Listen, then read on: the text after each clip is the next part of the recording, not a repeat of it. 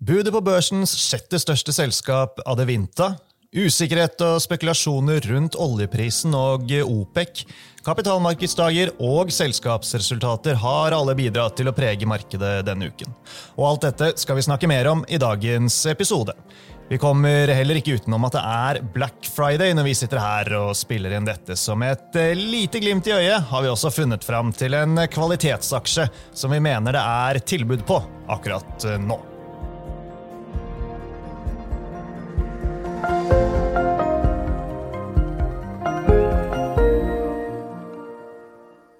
Velkommen til eh, Utbytte.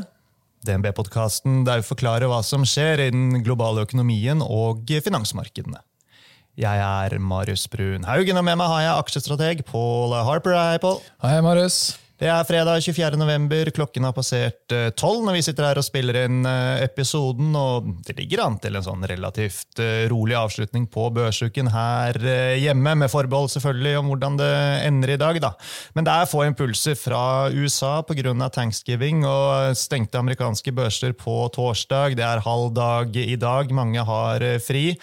På indeksnivå så er vi forsiktig opp for uken når vi ser på hovedindeksen her hjemme, også for S&P 500. Den amerikanske tiårsrenten den er temmelig flat på 4,5% og oljeprisen er også sånn ganske flat på uken på eh, rundt 81 dollar fatet. Eh, løfter vi blikket og ser på året under ett, Pål, avkastningsmessig, så er vi jo på vei mot et eh, ålreit børsår, tross alt. Opp 10% for hovedindeksen. Det er jo ikke dårlig. Nei, Det har jo vist seg å gå relativt eh, bra til slutt, eh, virker det som. i hvert fall. Det var en sånn ganske sidelengs utvikling første seks månedene på året. Men så har vi fått litt hjelp fra oljeprisen etter hvert, og, eh, og enda litt mer hjelp fra svak eh, valuta. og Det har totalt sett eh, det har klart å gjøre at det ser forholdsvis respektabelt ut, i hvert fall målt i kroner. Ja da, og Så får jo forbeholdet være hva desember føre med seg, da, selvfølgelig. Ellers, eh, du og jeg vi har hatt et par eh, kundekvelder eh, sammen denne uken. Og foruten at det selvfølgelig er hyggelig å, å, treffe kunder, så har det heller ikke vært noe å si på både oppmøte og engasjement. Og det henger nok også litt sammen med at det går mot et greit børsår, tross alt. Ja, jeg syns det har vært eh, generelt bra med interesse, men dette er jo noe vi egentlig har opplevd nå i, i flere år. at jeg synes sånn Generelt sett så er det flere og flere som uh, følger med og interesserer seg for utvikling på børsen. og Det må jo egentlig være et, et positivt tegn i det hele tatt, at folk føler, føler, at det er noe de burde bruke litt tid på. Ja, det liker vi. Vi skal snart snakke om bl.a. Adevinta, der det har kommet et bud, men vi må starte med oljeprisen. Det ble liv og røre i eh, oljemarkedet onsdag denne uken. Lenge så det ganske stabilt ut. Vi hadde frontkontrakten på Nordsjøoljen som lå rundt 82 dollar fatet. Eh, det var litt spekulasjoner om om det kunne komme større kutt fra OPEC pluss. Og så plutselig da, på onsdag så kom meldingen om at OPEC-møtet ble utsatt til torsdag 30. november, altså i eh, neste uke. Og dermed så eh, raste prisen, og spekulasjonene var i gang. Liksom. Det var nær sagt går OPEC i oppløsning, eller hva er det som skjer? Men så har jo dette roet seg litt. da. Oljeprisen er som jeg sa, tilbake over 81 eh, dollar fatet nå. Men, men det at det er noen uenigheter innad i OPEC, Eh, det er nok rimelig å anta. Det er ikke alle som har så veldig lyst til å, å kutte. Men eh, vårt hussyn her Paul, det er jo at dette ikke nødvendigvis må være negativt. Det kan være at dette møtet skyves fordi at det er noen sterke krefter som pusher på for å få et uh, større kutt, som jo alt annet like vil være i favør av en høyere oljepris. Ja, så det Er jo det spørsmålet, er det uenighet om ytterligere kutt, eller er det uenighet om eh, dagens nivå? Og det er klart, Saudi har jo egentlig tatt mesteparten av støyten her med å kutte ut, utover det som de andre medlemmene har gjort. Så det kan jo være mulig at Saudi sier nå må, nå må dere andre begynne å bidra litt eh, mer. Eller eventuelt da at de føler at de kan kanskje ikke gjøre noe mer uten at andre også kommer med noe, noe ytterligere kutt. og Da eventuelt eh, kan det kanskje komme en eh, hyggelig overraskelse, i hvert fall sett fra oljeprissynet, da, at det kan eh, trekke noe opp hvis det skulle komme et ekstra kutt her. Men det er ganske mange dimensjoner inn i dette bildet her. Du har da hvilket type nivå er det Saudi er villig, eller prøver å sikte på. Det vi har sett tidligere, er at hver gang oljeprisen kommer ned mot 80, så har det kommet noe ekstra kutt, så det er jo som ett eh, poeng. Og så er det da rundt alt det som skjer i Midtøsten akkurat nå, at timingen på dette her Så det var noen som spekulerte at det hadde kanskje noe med våpenhvile å gjøre også, at de da skulle ha dette her etter at det var ferdig. Skulle det liksom bli noe ekstra støy rundt det, at det kunne være relevant i, i vurderingen? Og så er Noe som kanskje ikke er relevant helt enda, men eh, kan bli det etter hvert. at Det er jo valg i USA til neste år. og eh, Biden er jo ikke noe sånn best buddies med Saudi akkurat eh, her, så det også spekuleres i at Saudi vil liksom prøve å presse oljeprisen opp, bare for å gjøre livet litt vanskeligere for han når valget kommer.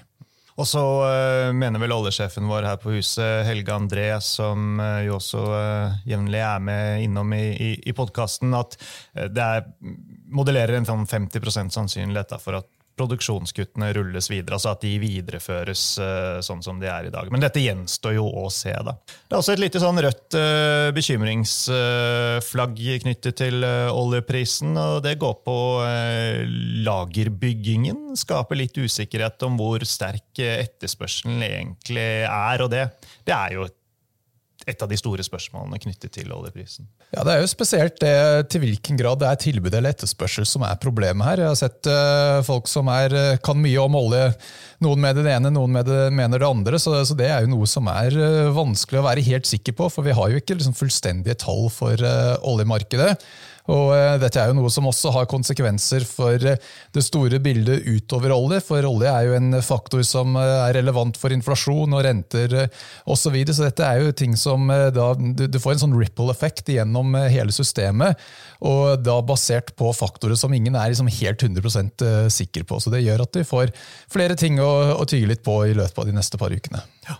Men ellers, eh, hvis vi ser til oljeaksene, oljeaksjene, da, jeg rakk vel bare kikke på Equinor og Aker BP. Equinor ganske flat for uken, Aker BP litt ned når jeg så på den tidligere dag, men ingen sånn kjempestore bevegelser. Men sånn enkelt sagt, altså Blir det et større kutt, så vil det på en måte bidra med støtte til oljeprisen og være støttende for oljeaksjene. Blir, er det uenighet om kutt og eh, ja, det blir mindre kutt enn det vi har i dag, så kan man tegne et scenario som er veldig bra for eh, typiske tankaksjer. altså Hvis det kommer plutselig mer olje ut i markedet. Ja, så Det er jo vinnere og tapere litt ettersom hvilken vei dette går. og Det er jo også eh, interessant når vi ser på eh, europeisk økonomi, f.eks., som eh, sliter nå. At PMI-indeksen har vært under 50 nå siden sommeren, og BNP-estimatene blir liksom gradvis justert ned. og Skulle oljeprisen da komme noe kraftig opp, da er det sånn en stagflation-scenario i Europa. Da, dårlig vekst og, og, høy inflasjon er absolutt aktuelt, men kommer oljeprisen ned, så bidrar det i motsatt retning til å kanskje gjøre at europeisk økonomi kan se litt lysere ut. Ellers så uh, fikk jeg også med meg i sidesynet her i dag at uh, IEA de har sendt ut en rapport som går på olje- og gassindustrien opp mot energitransisjonen, altså veien til netto null. Dette er da i forkant av klimatoppmøtet COP28 i neste uke. så Ifølge IA så er det sånn at olje- og gasselskapene akkurat nå står for rundt 1% av den rene energien, altså investeringen i cleantech globalt. Og 60% av dette igjen kommer fra bare fire selskaper. Det er uh, ca. 2,5 av olje- og gasselskapenes uh, totale uh, investeringsbudsjetter som er allokert mot fornybar energi. Så ja, eh, oljeselskapene de merker nok presset, de også, eh, Pål. Altså, vi trenger tilsynelatende all den energien vi kan få, samtidig som verden skal over på fornybar. Eh, det er ikke helt enkelt å være oljeselskap eh, midt oppi dette her heller. Nei, det er jo ikke det. Om noe så ser det jo heller ut som eh, de oljeselskapene som har snakket om å gjøre mye fornybare investeringer, heller skalerer litt tilbake.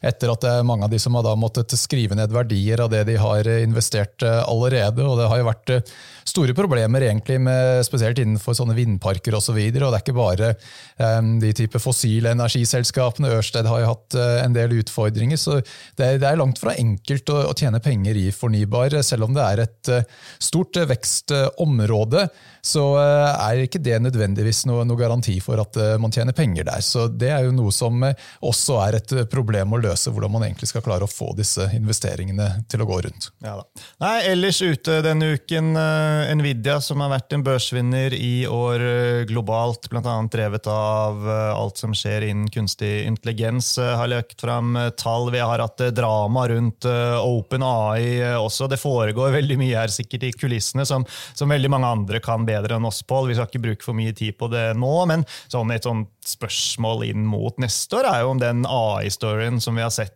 har preget 2023 Eh, kommer til å leve videre på børsen i 2024 eh, også. Det er det nok mange som går og tygger litt på nå om dagen. Ja, altså jeg tror ikke det er noe tvil om at eh, AI kommer til å leve videre, men om den lever videre Videre på børs, da? Ja, det er nettopp det. Om det lever videre sånn som internett gjorde i 99, eller om det er som internett gjorde i mars 2003, eller to, mars 2000, er egentlig spørsmålet der. Så jeg tror det er igjen litt, litt sånn som med, med flere ting, at vekst alene er ikke nødvendigvis en god nok grunn til til å eie et eller annet. Det må jo bli lønnsom vekst. og eh, Det er jo da spennende å se helt eh, hvordan det kommer til å spille ut. Om man skal fortsette å satse på de type eh, selskapene som lager utstyret som er nødvendig for dette, her, av typen Nvidia, eller om det er de som eh, lager produktet som eh, si, bruker eh, AI mer, heller enn å være en enabler. Så helt hvordan det spiller seg ut, er også en interessant, interessant tema. Ja da, Vi planlegger å adressere dette her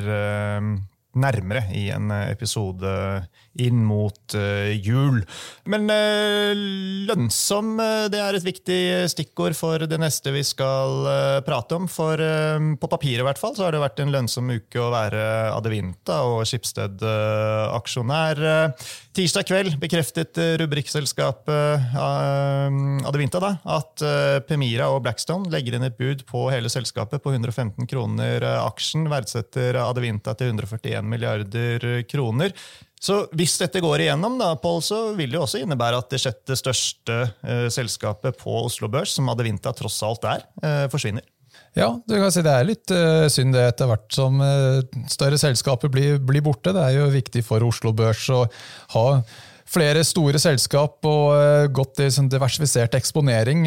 for liksom, flere, flere, grunner til det, at det i det hele tatt skal gjøre at Oslo Børs er en attraktiv markedsplass. Men ja, når du snakker om rundt liksom, kan det komme noe høyere bud eller ikke, så virker det ikke som markedet egentlig har så mye tro på, på det. Ser vi hvor aksjen handler nå, så eh, sist så var det rundt 111, så med andre ord eh, noen prosent under eh, budnivået. Så det virker ikke som det er så mye tro på at det, det kommer noe nytt, og da fortsatt en risiko at det kanskje ikke blir gjennomført i det hele tatt. Så jeg kan si at Det er vanskeligere nå å finansiere store oppkjøp enn tidligere, så det er ikke kanskje så mange alternative budgivere som er eh, der ute. Så Det er nok kanskje noe av, eh, av forklaringen her. Men det er jo ofte litt sånn at man handler ikke helt opp på budprisen. For det er jo det at hvis du skal sitte der helt frem til det, det gjennomføres, så tar jo det litt tid. Så da skal man jo også ha tilsvarende litt rente. Så regner man med at det går igjennom, så skal det heller ikke handle helt opp på den prisen. Nei, så får vi se hva som blir uh, enden på uh, visa. Da. Det er uh, ja, hva jeg har sett i media, i hvert fall, litt forskjellige aktører da, som uttaler seg Eh, litt forskjellig med tanke på hva de tenker om dette budet er fair eller eh, ikke. Men, men uansett, eh, Skipsted er jo en stor eier. og De har jo sagt at de vil redusere eierandelen sin da, fra 28,1 til 13,6 uh, Snakk om da 24 milliarder kroner her. så på en måte kan, det bli, kan det, dette her bli en katalysator for aksjen utover den oppgangen vi allerede har sett denne uken. Aksjen har jo gått fra ja, cirka, ja, litt under 250 til over 260.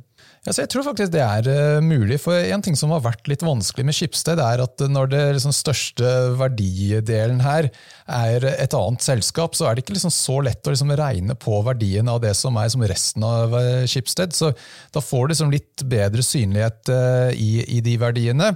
Og Når du ser på prising av Schibsted, så har de liksom ikke sett noe spesielt billig ut. Men det er fordi at Adevinta er et selskap med mye market cap, men ikke så voldsomt mye inntjening. eller med andre ord så eh, handler den på en ganske høy eh, PM-multippel.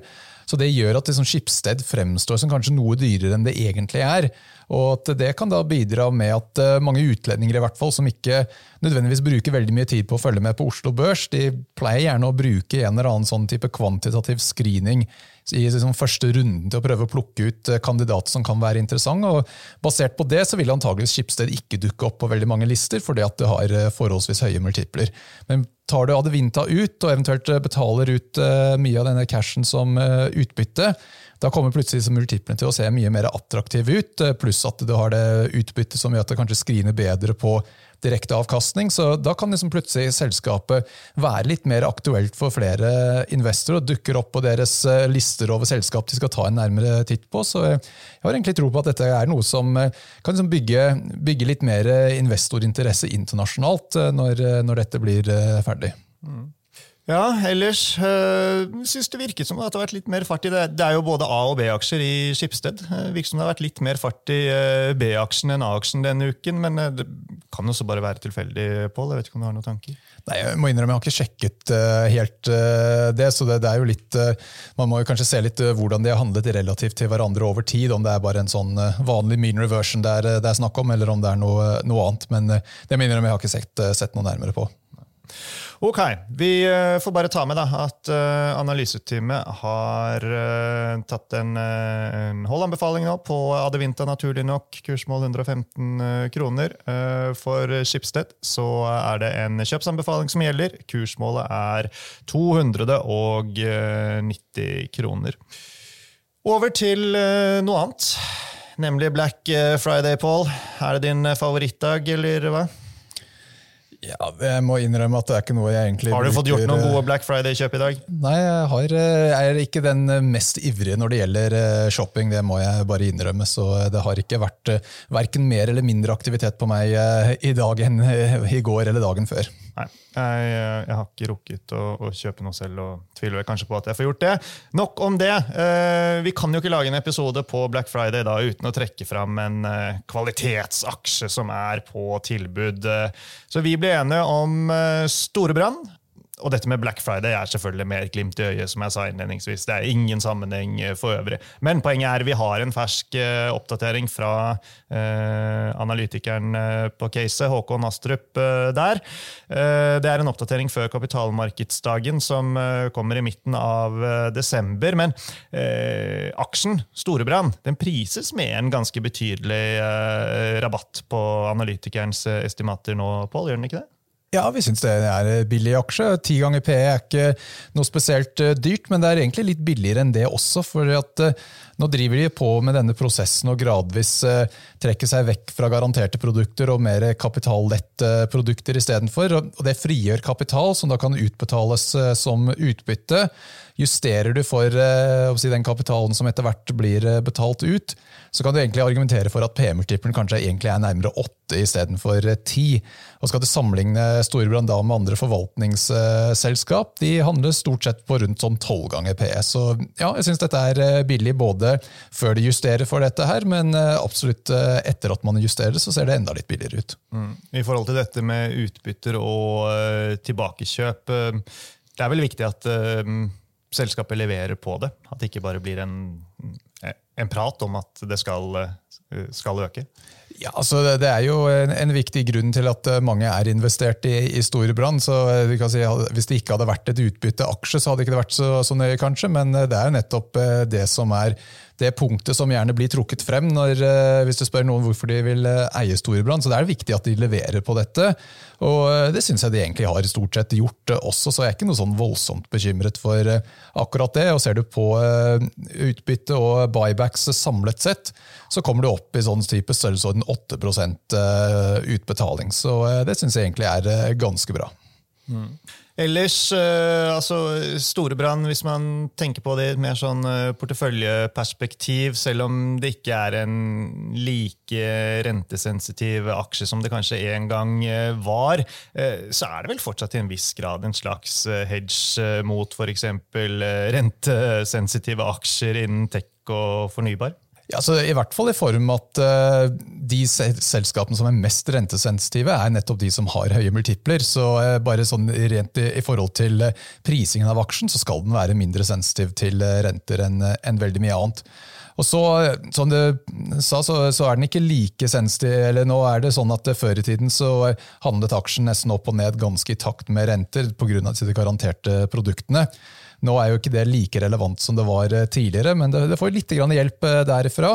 Men så på motsatt side, da, etter hvert som de blir mer som en asset manager, kan du si, så har de en fordel av at aksjer og børsen generelt stiger. Mm. Og kommer rentene veldig mye opp, så må man kanskje anta at da skal børsen noe ned. Så en del av den korrelasjonen egentlig jobber litt motsatt vei nå.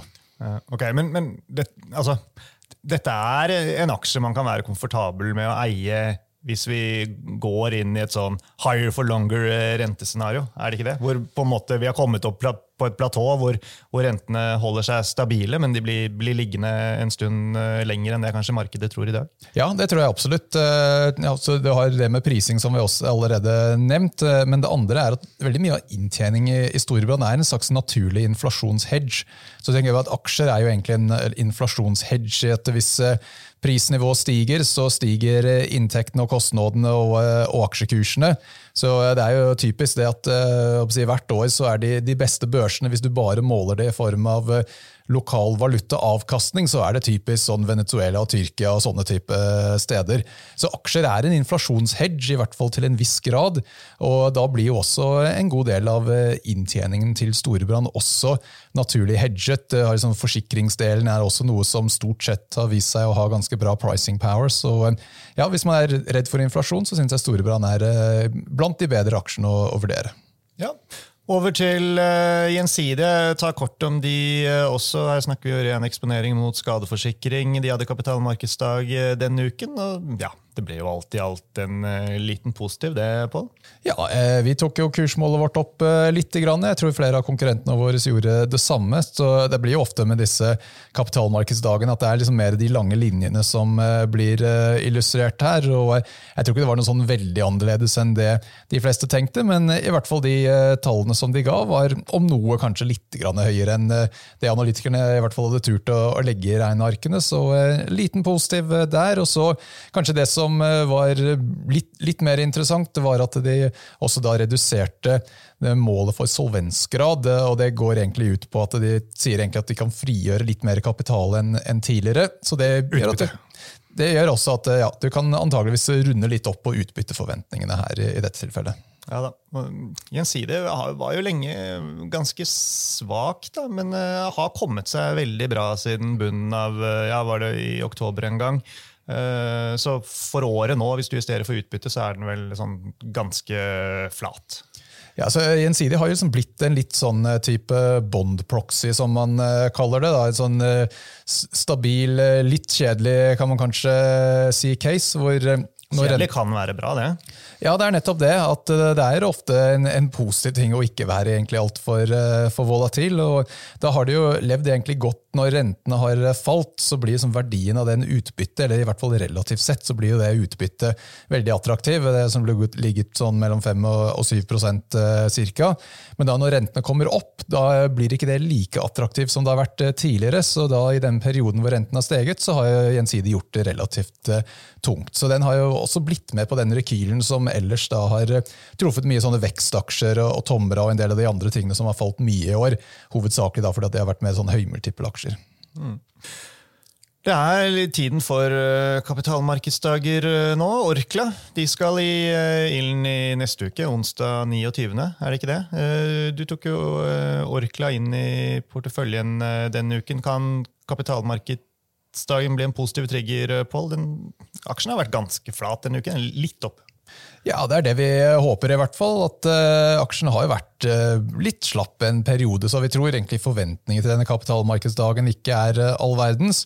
Og Nå er det en stund siden Orkla sist hadde en kapitalmarkedsdag, og de har allerede snakket om en litt sånn ny strategi her, så kanskje litt i motsetning til en type gjensidigaktig kapitalmarkedsdag, hvor det er egentlig mer sånn more of the same så kommer det kanskje litt mer nytt eh, fra Orkla. og da Med lave forventninger så håper vi at eh, det er mer sannsynlig at eh, de nye tingene de kommer med her, kan være noe som overrasker positivt fremfor noe annet. Så Vi tror det er litt, litt potensial her for at det kan være en positiv trigger. Skal Kan vi snike inn litt shipping denne uken også? Vi vet at det er mye interesse for det der ute.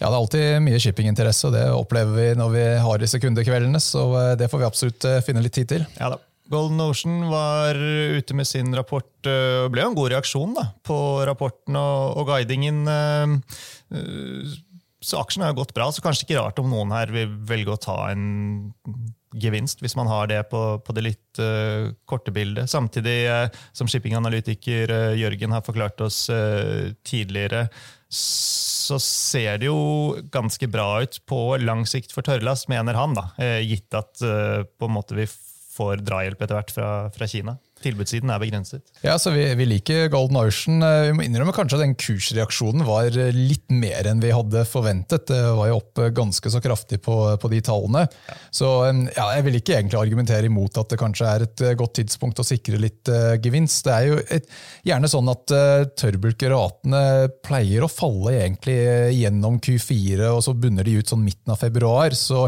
hvis de følger det normale sesongmønsteret, så skal nok de ratene begynne å trekke litt nedover igjen om ikke altfor lenge. Men vi syns prising eh, av selskapet er eh, attraktivt, i hvert fall relativt til stålverdier osv. Så, videre. så da kan det hende at det er et bedre sånn inngangstidspunkt da, om eh, et par måneder. Og at det nå er kanskje et greit tidspunkt å, å sikre litt gevinst. Men vi har kjøpsanbefaling, så de som er tålmodige, så kan det kanskje være like greit å bare bli sittende. Og når det gjelder Golden Ocean, jeg har eh, ja, kjøpsanbefaling. 106 kroner eh, kursmål. Eh, gjensidige, som jeg nevnte i sted, der har vi hevet kursmål litt, fra 185 til 190 kroner. Gjentar kjøpsanbefalingen. Når det gjelder Storebrand, så glemte jeg også å si det, Pål. Der har vi da en kjøpsanbefaling. Kursmålet er 119 kroner. Før vi gikk inn i studio, så lå aksjekursen rundt 93, så det er en nesten sånn 30 oppside der også, i, forhold til kursmålet. Da. MPC Container har også vært i ilden denne uken, Pål. Der sier vi det ganske greit. Nå mener vi det er en sånn uh, fair verdi uh, etter at uh, aksjekursen har kommet ganske betydelig ned. Selskapet har bl.a. solgt en del skip, da til priser litt under det som har vært kvotert i, i, markedet, men, men, greit nok. Så, så, Jørgen og analystteamet sier hold nå på MPC-kursmålet 14 kroner og 70 øre. Ja, Container er vel det segmentet som er minst spennende, tror jeg i shipping, og det er fordi at det har blitt eh, bestilt eh, veldig mange båter eh, nå. Og Da er det ikke veldig lett å egentlig se for seg at det blir noe særlig gode tilbud- og etterspørselsbalanse her, i motsetning til flere av de andre segmentene innenfor shipping. Så Skal vi sånn rangere segmentene, så er det container som er minst spennende, syns vi. Um, og Av den grunn så har vi hatt salgsanbefaling på MPC Container en stund. Men når du begynner å sånn se litt nærmere på tallene her, så er det jo sånn at uh, hvis du bare skraper hele flåten, så, så, har jo det en viss verdi. Og så har du en kontant som kan utbetales som utbytte. Og så er det en del av disse båtene har jo kontrakter, så det er ikke sånn at du skraper de før de er ferdig. Så hvis du liksom regner opp eh, det du kan kalle slags eh, garanterte, eller i hvert fall sikre verdier, så kommer du egentlig sånn omtrent opp til eh, der hvor aksjene handler i dag. Så er, du trenger egentlig ikke å ha noe særlig flaks eller stang inn for at du kan forsvare dagens aksjekurs. Skal du få noe særlig oppsides, derimot, så da må du egentlig ha noen positive overraskelser i container. Men vi syns i hvert fall på disse nivåene, så er hold mer riktig enn salg. Vi får uh, touche innom uh, renter også i uh, dag. Det var ikke de helt store bevegelsene i forbindelse med Feds rentereferat som kom i starten av uken. Budskapet til den amerikanske sentralbanken er at de er inne i en periode nå hvor de skal prøve å finjustere pengepolitikken etter utviklingen i økonomien og inflasjonen. Det jeg sliter litt med, da, Paul, det er at eh, økonomien virker jo veldig sterk eh, på mange måter. altså Dette vi har snakket om før, folk har jobb osv. Så. Eh, så leser jeg jo at nøkkeltallene de siste ukene har hellet mot en sånn viss nedkjøling. Man ser at prisveksten avtar. Men, og det er vel derfor forventningene til hvor lenge renten skal holdes høy, har kommet ned. Men jeg klarer ikke helt å slippe den der tanken om at markedet forskutterer litt vel mye rentekutt her. Ja, jeg må si jeg er egentlig enig i det at det er en veldig vanskelig balansegang eh, Fed skal få til her, hvor du skal få inflasjonen ned uten at veksten faller altfor eh, mye. Akkurat nå så er vi litt i en sånn sweet spot, kan du si, da, hvor det har eh, bra vekst, men veksttakten dabber litt av. Så det er ingen som er noe voldsomt bekymret for resesjon, samtidig som frykten for inflasjon blir noe mindre. Så spørsmålet blir egentlig, når vi da tenker liksom hvor, hvor vi står da om et par måneder, hvis eh, makrotallene fortsetter å, eh, å, bli litt svakere, da begynner man å komme på et nivå hvor eh, bekymringen for resesjon kanskje begynner å øke igjen. Hvis du da får et ny oppsving i, i makrotallene, så kommer vi tilbake til eventuelt inflasjonsfrykt og om Fed må sette rentene opp en gang til. Så akkurat nå så er det liksom omtrent så bra kombinasjon du kan tenke deg, med den bra vekst, men litt sånn fallende trykk i, i veksttakten. Men når vi tenker igjen litt, litt lenger fremover, så kan det godt hende at eh, neste år blir ganske lik det vi har sett eh, i år, da, med at eh, økonomien er bra nok til at rentene ikke kommer ned. Og det blir en, i hvert fall en, en liten utfordring. Men samtidig så er forventningene til inntjening såpass sterke at det skal egentlig ganske mye til at de ikke må kuttes med den type vekstprognosene som makroøkonomene har. Så ser du på liksom bottom up-estimatene, så uh, tror analytikerne at selskapene skal levere liksom over 10% inntjeningsvekst, men da med et uh, bakteppe av vekst, BNP-vekst i USA som er kanskje sånn halvannen til best case 2% og så inflasjon kanskje på 2,5 eller no, noe tilsvarende. Det blir jo da en god del svakere enn det vi har opplevd i år. Mm. Ok, over til uh, noe annet helt avslutningsvis. Uh, I dag uh, morges, fredag også, kom meldingen om at regjeringen vil starte utviklingen av neste generasjons missil. det skal skje i samarbeid med Tyskland, og da snakker vi om Kongsberg Gruppen. denne missilen skal gå under navnet Supersonic Strike Missile. Uh, og etter planen da være klar i 2035, så det er jo da uh, godt over uh, ti år man snakker om. så vidt jeg har forstått, ikke noe som kommer til å slå veldig på estimatene til Kongsberg Gruppen. Men igjen, dette støtter jo opp om å vise litt denne, dette underliggende markedet, at det er der, Pål. Og, og den megatrenden som man kan argumentere for at Kongsberg Gruppen er i. Ja da, og eh, det var et tøft navn, det må jeg absolutt uh, si her. Det høres ikke ut som å være noe spesielt morsomt å være på receiving end av en sånn en. Jeg gjør ikke det. Så, men jeg tror Kongsberg som du sier, det er en megatrend, dette her. og Ser man på kursutviklingen i år, det som kanskje er litt interessant her, at egentlig hele oppgangen, eller hele meravkastningen man har fått i år, kom mellom februar og juni. Den har faktisk underperformet litt uh, siden eh, slutten av, uh, av, juni. Så det er kanskje en litt sånn konsolideringsfase akkurat uh, nå.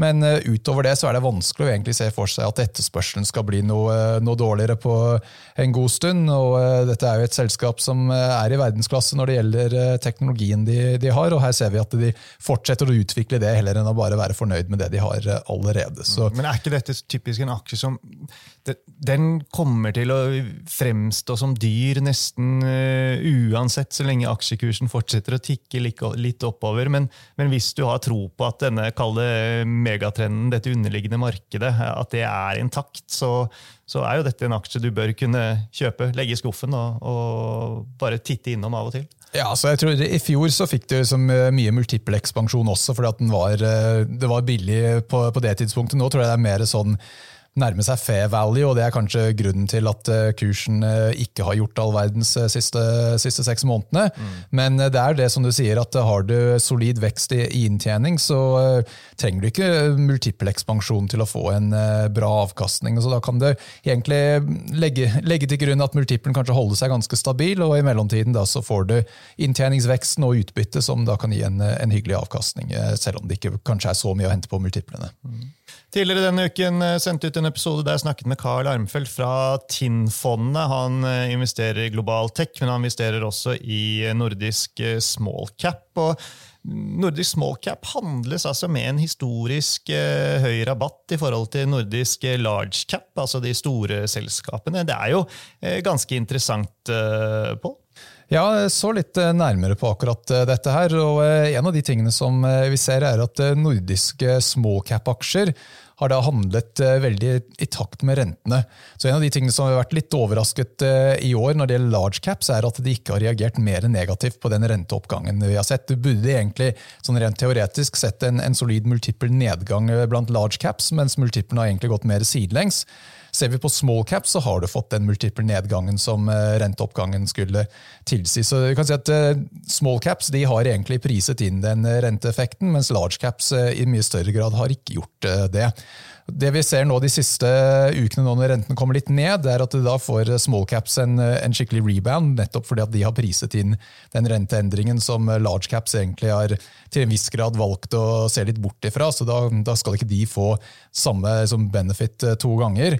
Men det er eh, greit å da eh, huske at så lenge de small capsene er såpass rentesensitive, at eh, hvis vi da får en ny runde opp på renter, så, så, må vi kanskje være forberedt på at de, de, kan slite litt, de også. Så Viktig å huske det at selv om du kanskje tror du tar mikrobett med å plukke ut gode small cap-selskap, så er det et makrobett i det, de aksjevalgene der, eh, selv om, du, om du er klar over det eller eh, ikke. og Det har kanskje vært den største utfordring for small caps. Ikke så mye at de har eh, gjort, gjort noe dårlig jobb sånn driftsmessig, men de har dessverre blitt preget av den renteoppgangen vi har sett, og at det egentlig forklarer hvorfor de har hatt det litt tungt i år. Ja, kanskje det er nordisk small cap vi burde satt i Black Friday-boksen, Pål. Vi får vi får ha med den også da i bakhodet. Uansett, eh, episoden med Carl Armfelt som jeg nevnte, eh, fra Tinnfondet, er tilgjengelig. For de som ikke har rukket å eh, høre den, så gjør eh, gjerne det. Vi er kommet til veis ende for i dag, så eh, da sier jeg bare tusen takk til eh, deg, Pål, og sist, men ikke minst, tusen takk, folkens, til alle dere som hørte på.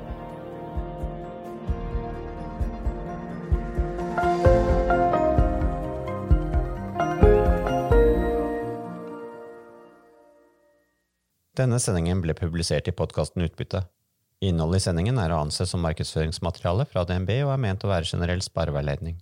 Sendingen skal ikke oppfattes som et tilbud om å kjøpe eller selge finansielle instrumenter, eller som investeringsrådgivning tilpasset den enkelte investors situasjon. En investor som har behov for råd eller har spørsmål og informasjon som gis, bør kontakte en finansrådgiver. DNB påtar seg ikke noe ansvar verken for direkte eller indirekte tap som følge av innholdet i sendingen legges til grunn for eventuelle investeringsbeslutninger. Husk at historisk avkastning aldri er noe garanti for fremtidig avkastning. Avkastningen kan bli negativ som følge av kurstap. Bruk av prognoser for å beregne fremtidig avkastning er heller ingen garanti for fremtidig avkastning. Innholdet i sendingen bygger på informasjon fra offentlig tilgjengelige kilder som DNB ser på som pålitelige, men som ikke er uavhengig verifisert. Følgelig gir DNB ingen garanti i forhold til nøyaktighet og fullstendighet. Alle uttalelser her reflekterer DNBs, den enkelte ansatte, eller andre tredjeparts vurderinger på tidspunktet for den aktuelle sendingen, og kan i ettertid endres uten nærmere beskjed. Ytterligere informasjon om bl.a. kildebruk og interessekonflikter er tilgjengelig på dnb.no skråstrek invest, bindstrek disclaimer.